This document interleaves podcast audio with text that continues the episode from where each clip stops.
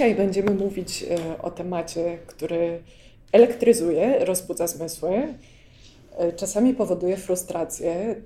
No, wstydzę się powiedzieć, nikogo nie pozostawia obojętnym. I tym tematem, tym wątkiem są rzeczy. Tutaj w Szturmie Sztuk zazwyczaj mówimy o sztuce, o ideach, o historii, a dzisiaj będziemy krążyć bardzo blisko obiektów, rzeczy, rzeczy materialnych. Moim gościem jest absolutna specka, ekspert od, e, od tego tematu w tym zakresie, Anna Wojczyńska, architektka. Wnętrz, Mam... wnętrz. Wnętrz. Wnętrz, czyli tych pudełek na te rzeczy, prawda? Tak. Bardzo się cieszę, że zgodziłaś się przyjąć to zaproszenie. E, ja obserwuję, jak e, Anna pracuje od e, wielu, wielu lat. Miałam okazję być w wielu wnętrzach, które zaprojektowała, w wielu pudełkach. Czy jeszcze coś powinnam dodać na temat Twojej pracy? Czy, czy architekt wnętrz wyczerpuje to pole, którym Ty się zajmujesz? No, jako nazwa. nazwa temat jest dość długi. No, pewnie by trzeba dodać socjolog. Antropolog, tak. psycholog. Mm, tak, tak jak mówiłam, dzisiaj będziemy rozmawiać o rzeczach, e, a szczegółowo o designie. I w Szturmie Sztuk mówimy o tym, że ta rzeczywistość dookoła nas się zmienia, że obszar sztuki ewoluuje, że wchodzą nowe zjawiska, że to nie jest to, czym sztuka była do tej pory. I tak 3-5 lat temu e, mniej więcej na łamach różnych pism e, czy w, w panelach dyskus, dyskusyjnych dotyczących sztuki zaczęły się pojawiać wątki dotyczące kolekcjonowania designu tuż obok kolekcjonowania sztuki. E, ale moje pytanie globalne do e, Ani Wojczyńskiej dzisiaj, do architektki wnętrz, jest takie, czy design kolekcjonuje się tak samo jak sztukę, czy mieszkanie z designem jest równoznaczne z kolekcjonowaniem i czy architektka pracując z klientem i projektując mu to piękne pudełko na, na design, też czasami na sztukę zamkniętą w obrazie, y, jest, jest tym samym współautorką kolekcji designu? Wielkie pytanie do Ciebie, Ania. Znaczy, przede wszystkim trzeba rozgraniczyć świat i Polskę. Na zachodzie, jeżeli ktoś kolekcjonuje sztukę, najczęściej kolekcjonuje design. To idzie w parze. W Polsce jesteśmy na etapie początków albo trochę więcej niż początków kolekcjonowania sztuki i kolekcjonowanie designu moim zdaniem dopiero się zaczyna. Także to nie jest równoznaczne.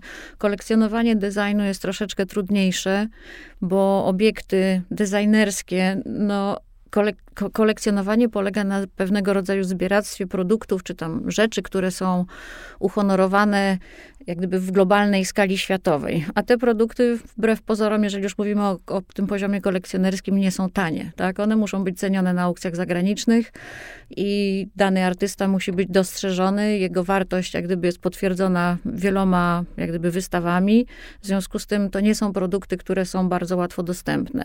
Natomiast jeżeli mówimy o życiu z designem, życie w designie nie oznacza jak gdyby kolekcjonowania, natomiast można złapać bakcyla kolekcjonowania kolekcjonowania. Jak ktoś zacznie się interesować tematem, zacznie oglądać różne produkty, śledzić jak gdyby kariery różnych projektantów, śledzić różne aukcje, no to po pewnym czasie można stwierdzić, że można zapałać miłością również do jak gdyby sztuki użytkowej i po pewnym czasie przejść do tej sztuki, która jest pomiędzy sztuką użytkową, a powiedzmy bardziej konceptualną, czyli taką artystyczną.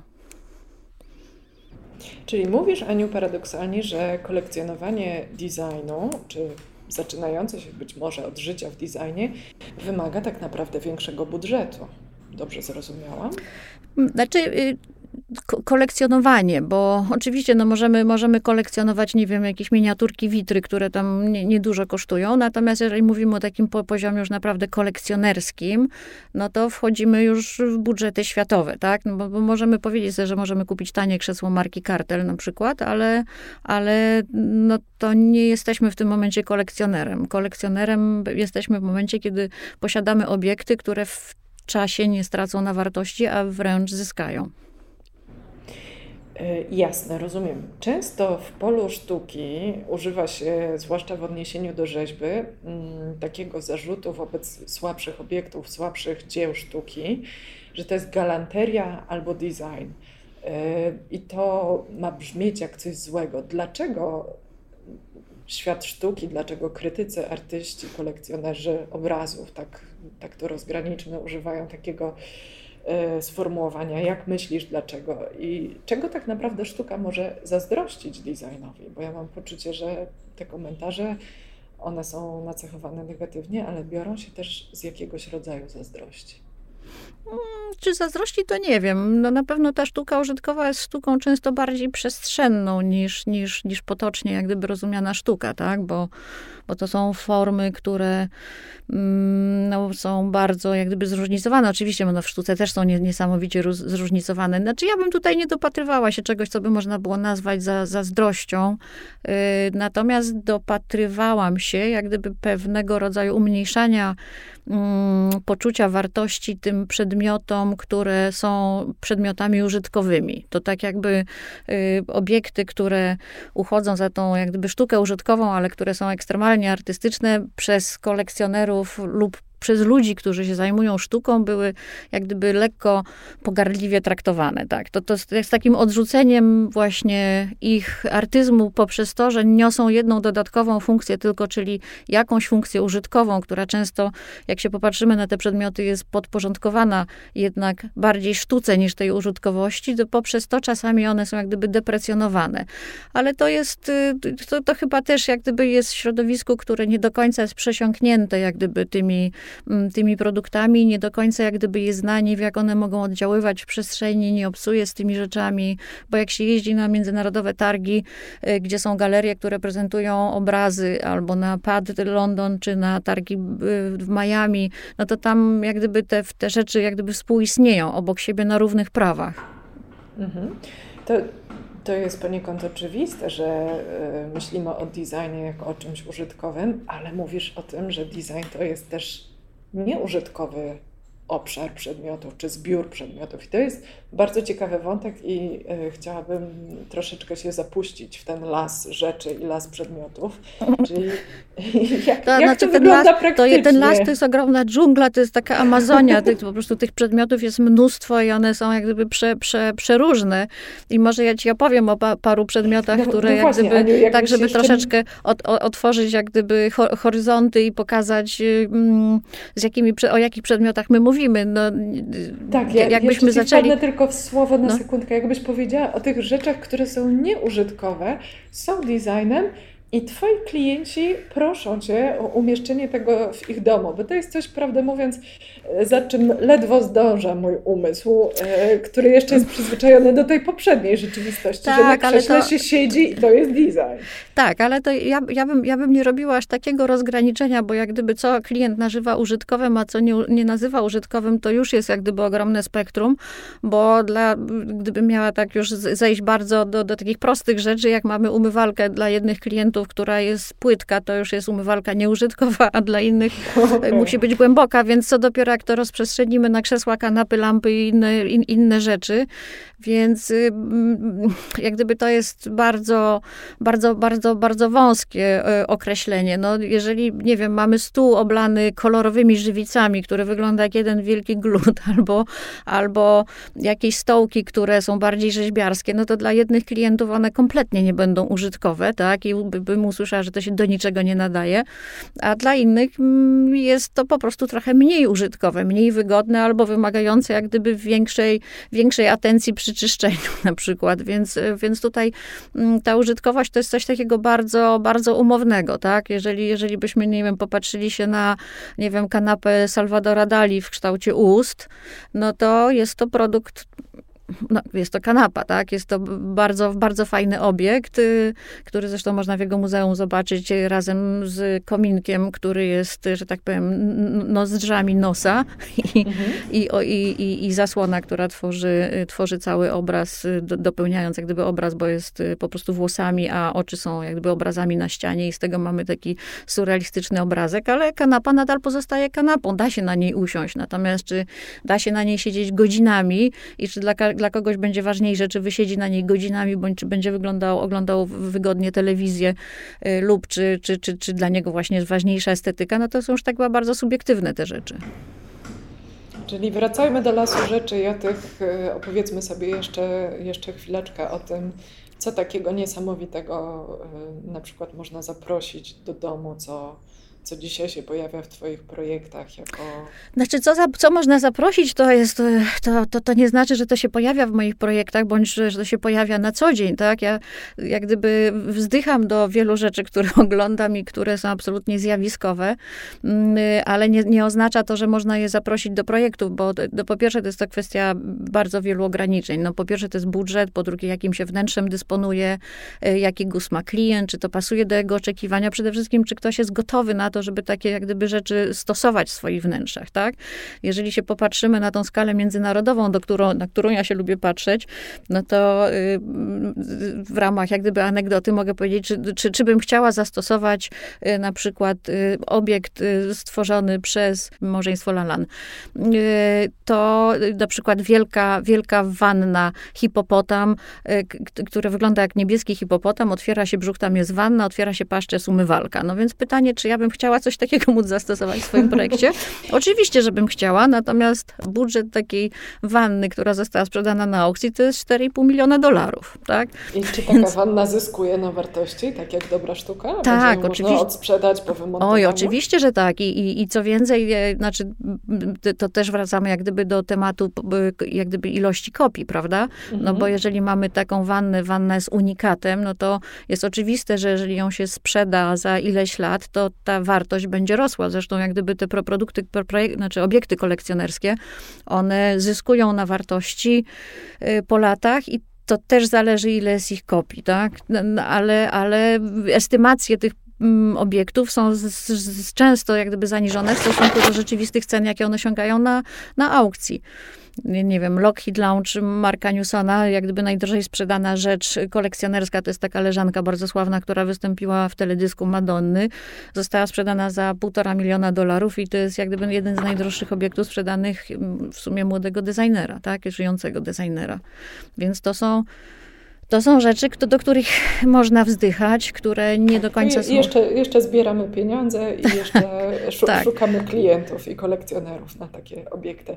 Mhm. Aniu, otworzyłaś y, dużą tutaj taką y, skrzyneczkę z napisem unikatowość. I mhm. to jest rzeczywiście też wątek, o którym rozmawiałyśmy wcześniej, przygotowując się y, do, do naszej dzisiejszej rozmowy na antenie. E, ja Cię prosiłam o, e, o możliwość powiedzenia o, o, tym najbardziej znanym unikacie, który być może jest sztuką, być może jest, no, nawet na pewno jest sztuką, a być może jest też designem, czyli możliwość powiedzenia o solniczce Benvenuto Celliniego z XVI wieku. To jest taki chyba najbardziej znany w historii sztuki przykład przedmiotu, który został wykonany w jednej kopii. Solniczka z jednej strony przedstawiająca e, ziemię, kobietę symbolizującą ziemię, z drugiej strony morze, e, wszystko wykonane w złocie, mali, hebanie, pracował na to nie tylko artysta, ale też jego warsztat, warsztat Mm, całość się zamyka w 30 centymetrach i oczywiście rozpala do czerwoności do tej pory e, wyobrażenie o tym, e, jaką wartość może mieć mały przedmiot, w który artysta włożył swój geniusz, namysł, e, warsztat. To, dlaczego solniczka Benvenuto Celliniego jest takim świętym gralem designu, jeszcze, jeszcze polega na tym, że tam opowieść o tym przedmiocie ciągnęła się przez lata. On był e, przedmiotem kradzieży. Tam artysta bardzo długo opisywał i rozlegle w odrębnym dziele, jak to powstawało. Także mnóstwo, mnóstwo opowieści dookoła jednego przedmiotu, który jest materialnym obiektem użytkowym. Można z niego nasypać soli do zupy. Mhm E, no ale powstał w jednym wyłącznie egzemplarzu i wydaje się, że to jest też e, jakiś, jakieś odparcie tych zarzutów świata sztuki, no właśnie, że design jest taką straszliwie służebną formą, bo jeśli nie jest czymś, co powstaje w serii, to ma większą wartość i artystyczną, i materialną, i jakąś absolutną, związaną z ideami. E, a tymczasem bardzo wiele ciekawego designu jednak powstaje w nielimitowanych seriach, gdzie po prostu z linii produkcyjnych schodzą kolejne krzesła, kolejne ciekawe talerze. Tam nie ma dotknięcia ręki artysty, jest wyłącznie proces produkcyjny. No i kurczę blady, chyba jednak wydaje się, że to też ma ogromną wartość, mimo tego, że daleko temu do tej solniczki. Tak, znaczy tutaj nie ma, nie ma jak gdyby absolutnie zasady, co się staje obiektem kolekcjonerskim, dlatego, bo mogą to być oczywiście jakieś pojedyncze ekscesy. Y, jeżeli jesteśmy w tych bardzo szanowanych galeriach, to tam edycje są najczęściej od kilku do 10-15 sztuk danego obiektu. Oczywiście wiele jest, jest, jest, jest jak gdyby pojedynczych, wiele rzeczy jest robionych y, ekskluzywnie na zamówienie, czyli jest pewien rodzaj jak gdyby dopasowywania danego produktu do, do życzenia klienta, ale mamy też, też ogromny rynek tych rzeczy jak gdyby vintage'owych, które mm, kiedyś były produkowane seryjnie, a są coraz rzadsze, albo na przykład prototypów i wówczas jak gdyby one też są bardzo, bardzo cenione. Po prostu pewien rodzaj jak gdyby wzornictwa przemija, technologii przemija i nagle się okazuje, że coś, co było kiedyś robione, staje, jest jak gdyby w tej chwili już wyjątkowe, jest nieosiągalne i nie wiem, no teraz jak byłam na, w Londynie na targach Pad Design London, no to były takie piękne y, dwa kinkiety, które były robione przez Ingo Maurera, który w zeszłym roku umarł, takiego niemieckiego designera, który właściwie do końca życia był aktywny. No i te kinkiety mają w tej chwili ogromną wartość. One są nie, nie do końca są charakterystyczne dla jego produkcji późniejszej, bo on jak gdyby bardziej takie technologiczne rzeczy robił, ale, ale jak gdyby cały świat designu się nim zachwycał. No i to są już obiekty kolekcjonerskie, a kiedyś to było po prostu regularną produkcją i w tej chwili no, taki jeden kinkiet kosztuje tam około 20 tysięcy euro, czy coś w tym stylu. Znaczy zależy Czyli oczywiście, wartość, jak jest. Wartość tego obiektu wynika z tego, że w nim zamyka się historia technologii albo historia No albo jakiś pomysł, tak, albo jakiś pomysł, albo, że, że, znaczy po pierwsze jest kwestia jak gdyby samego, po pierwsze pomysłu, po drugie technologii, po drugie jak gdyby elegancji rozwiązań zastosowanych, y, jak gdyby rzadkości, ile, ile właśnie było tych edycji, czy, czy, czy był to produkt seryjny, ile się z tych kopii zachowało, tak, tak samo jak lampy i samo Noguchi, które, które mhm. są, część z nich jest produkowana do tej pory, a część ma jak gdyby wartość kolekcjonerską, bo są to jak gdyby takie, mm, te serie, które jak gdyby zostały jak gdyby wstrzymane, nie wiem, ze względu na może mniejszy popyt, albo ze względu na nieopłacalność produkcji. W każdym razie też się pojawiają w bardzo renomowanych galeriach. Jak wygląda polska produkcja artystyczna, polska produkcja designerska na tle tego, co dzieje się na świecie. Szczegółowo pytam Cię, Aniu, o takie e, dorobki czy, czy, czy myśli technologiczne, artystyczne, jak e, rzeczy, które mnie absolutnie oczarowały, na przykład tutaj sobie zerkam w notatki pracę E, Marcina Rusaka. No tak, tak, właśnie. Znaczy on jest absolutnie w tej chwili na topie i jest w pewnym sensie niesamowitym wyjątkiem. W tej chwili, chyba dwa dni temu otworzył wystawę e, w Carpenters Workshop Gallery w Paryżu, e, taką troszeczkę inną niż do tej pory pokazywał, bo do tej pory pokazywał i jest znany z zatapianych kwiatów w takich różnych żywicach, ciemnych i beżowych, a, a tutaj te formy są takie bardziej zwariowane i bardziej organiczne, ale jest to chyba aktualnie najbardziej znany Polak y, i jego prace są naprawdę wyjątkowo, bardzo pracochłonne i bardzo ciekawe. I jeżeli ktoś byłby zainteresowany inwestowaniem w taką sztukę kolekcjonerską, użytkową, no bo my mówimy o, na, na, tej wystawie są wazy, komody, ale na przykład te poprzednie jego produkty, no to też były, czy tam obiekty, y, to były też y, rzeczy użytkowe stricte, stoły i na przykład komody, no to to są rzeczy piękne i na pewno nie, nie stracą na wartości, tak? On już ma bardzo, bardzo jak gdyby dużą renomę. Więc warto się jemu przyglądać. Z, z, tego świata, który jest podporządkowany praktyczności yy, i użytkowości, tego świata, o którym często mówimy, że jest światem wnętrz z beżową kanapą. Mhm. Yy, pada takie sformułowanie w odniesieniu do tego, jak wyglądają polskie wnętrze. Z tego świata mimo wszystko jednak wychodzą takie produkcje designerskie, które trzymają poziom światowego topu, jeśli chodzi no, o ja nie wiem, czy z tego świata, ja, ja, nie wiem, czy z tego świata, bo, bo, bo chyba Marcin Rusak studiował gdzieś w Londynie, więc y, w każdym razie ch chyba to nie jest kwestia z tego świata, bo, bo, bo, bo właśnie Marcin ma, że tak powiem, zagraniczne studia, gdzie y, tak jak obserwujemy często jednak jesteśmy bardziej mobilizowani do jak gdyby szukania w czeluściach swojej wyobraźni, a nie jesteśmy zmuszani do produkowania rzeczy, które są oczywiste. Jasna sprawa.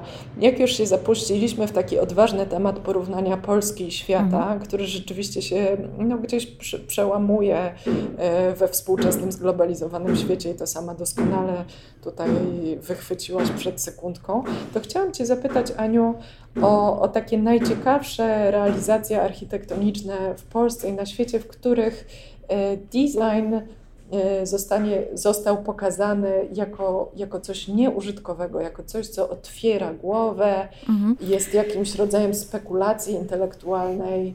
Znaczy, ja bym tak, strasznie trudno jest to obserwować, dlatego, bo y, ta sztuka kolekcjonerka, kolekcjonerska, ona bardzo często trafia pod, że tak powiem, prywatne strzechy i to są transakcje, które są, nazwijmy to, sekretne. Ludzie, którzy dysponują takimi majątkami i urządzają sobie takie domy, y, są y, często bardzo, że tak powiem, skryci i nie chcą się chwalić tymi rzeczami i agencje, i galerie też mają jak gdyby y, zakaz pokazywania zdjęć, więc, więc jak gdyby to nie zawsze jesteśmy w stanie śledzić dokładnie, jak gdyby, jak ten rynek się kształtuje.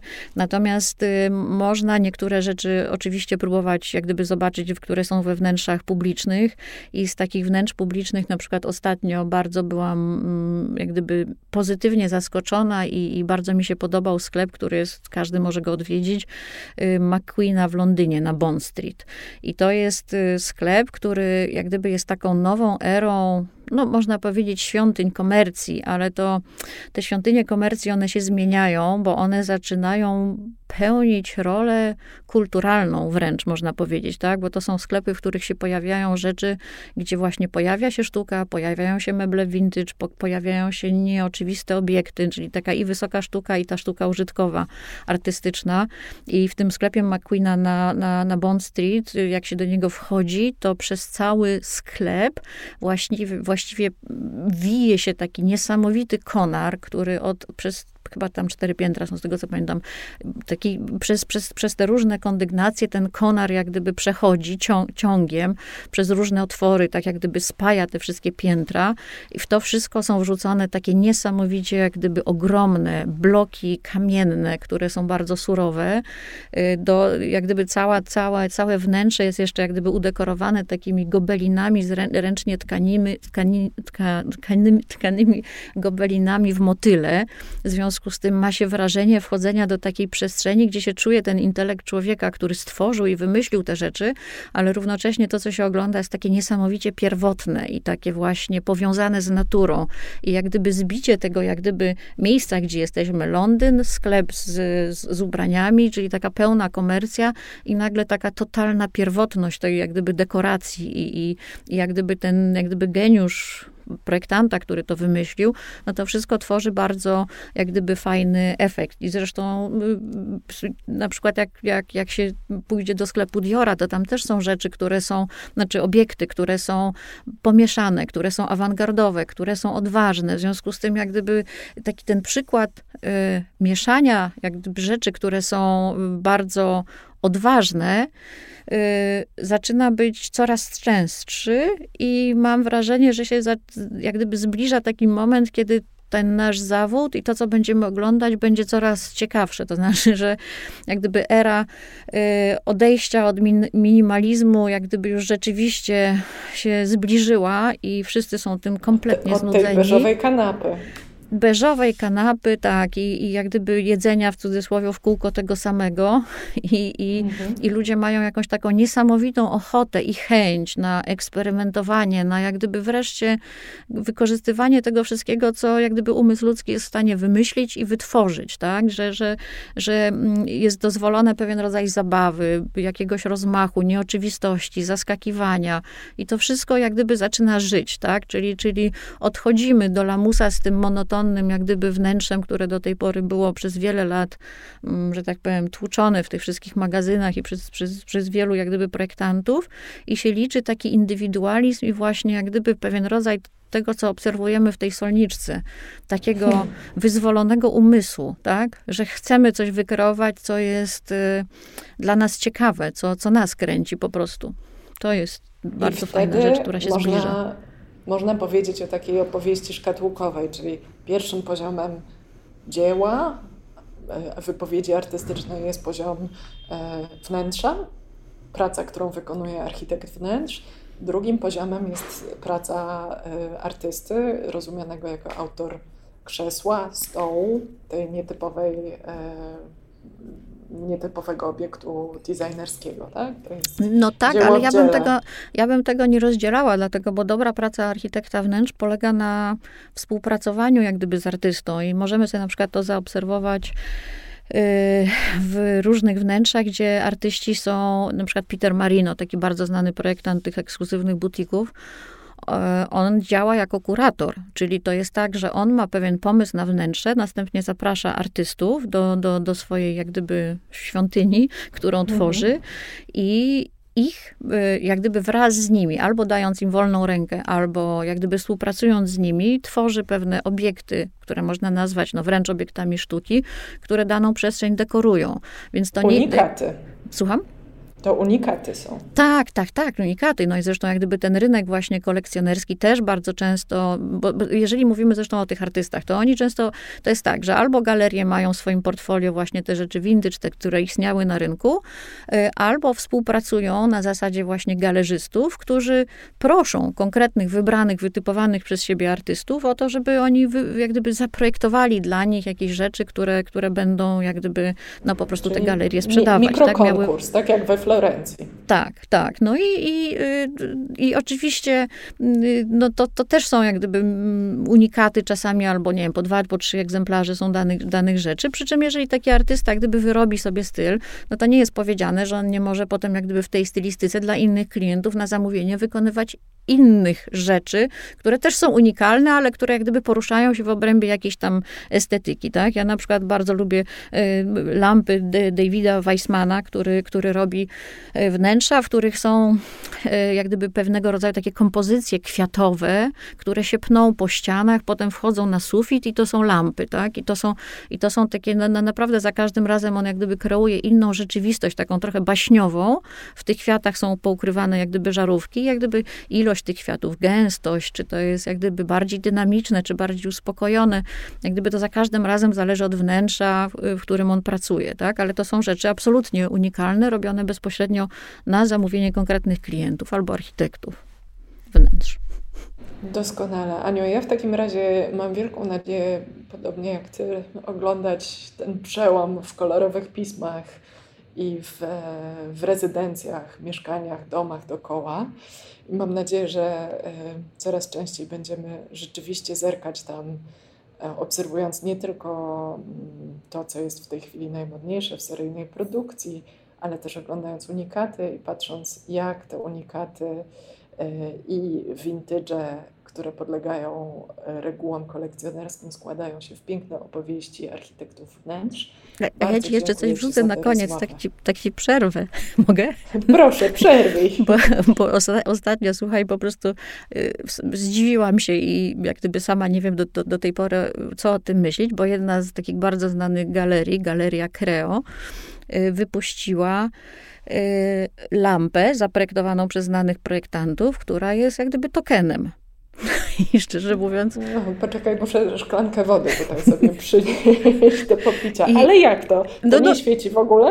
E, e, e, no, wiesz, no, tyle co ekran świeci. No, w każdym razie mamy, mamy taką, ona ma specjalną nazwę Signal Dam 4, coś, coś w tym stylu. I to jest taki prędzik z różnymi kloszami, ale jak gdyby jest sygnowana przez znanych projektantów. No i właśnie byłam bardzo ciekawa, jakie będą dalsze losy takiej artystycznej sztuki, która żyje tylko i wyłącznie na, w, w, w, na komputerach. no. Ale tak sobie pomyślałam, no może ona zacznie wnikać w jakieś gry komputerowe, w jakieś wirtualne rzeczywistości i nagle się okaże, że jak gdyby te wszystkie y, solniczki się przeniosą, że tak powiem, w, wirtualną sztukę, tak? Że nagle się okaże, że jak gdyby, albo tak jak ci kiedyś tam pokazywałam, taką klamkę, która, która była zrobiona na, mm, wyglądała bardzo, bardzo rzeźbiarsko i podobno ją robili 7 lat i y, klamka była zrobiona, y, znaczy kształt klamki jak gdyby pokazuje królewną Śnieżkę i siedem krasnoludków i tam jest też jakiś smok, który jakiegoś węża zjada, w każdym razie coś takiego mega, mega skomplikowanego no i ponieważ to trwało 7 lat, no to nikt by takiego czegoś nie chciał, jak gdyby powtórzyć, prawda, w naszej rzeczywistości. Natomiast gdybyśmy powiedzieli jakiemuś panu od, panu od 3D w tej chwili, dobrze, to ty mi zbuduj taką klamkę w 3D i my ją będziemy tokenizować, to może się okazać, że nagle jak gdyby ten rynek sztuki zacznie, że tak powiem, wysysać te różne pomysły z, z różnych jak gdyby twórczych osób i zacznie się jak gdyby nowa era takich solniczych, takich klamek i zaczną się pojawiać przedmioty, które są zaskakujące i inny.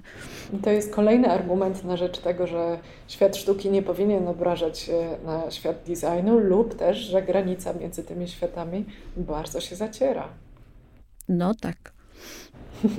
bardzo dziękuję e, naszą dzisiejszą tropicielką klamek e, i naszą przewodniczką po lesie rzeczy była Ania Wojczyńska. Dziękuję.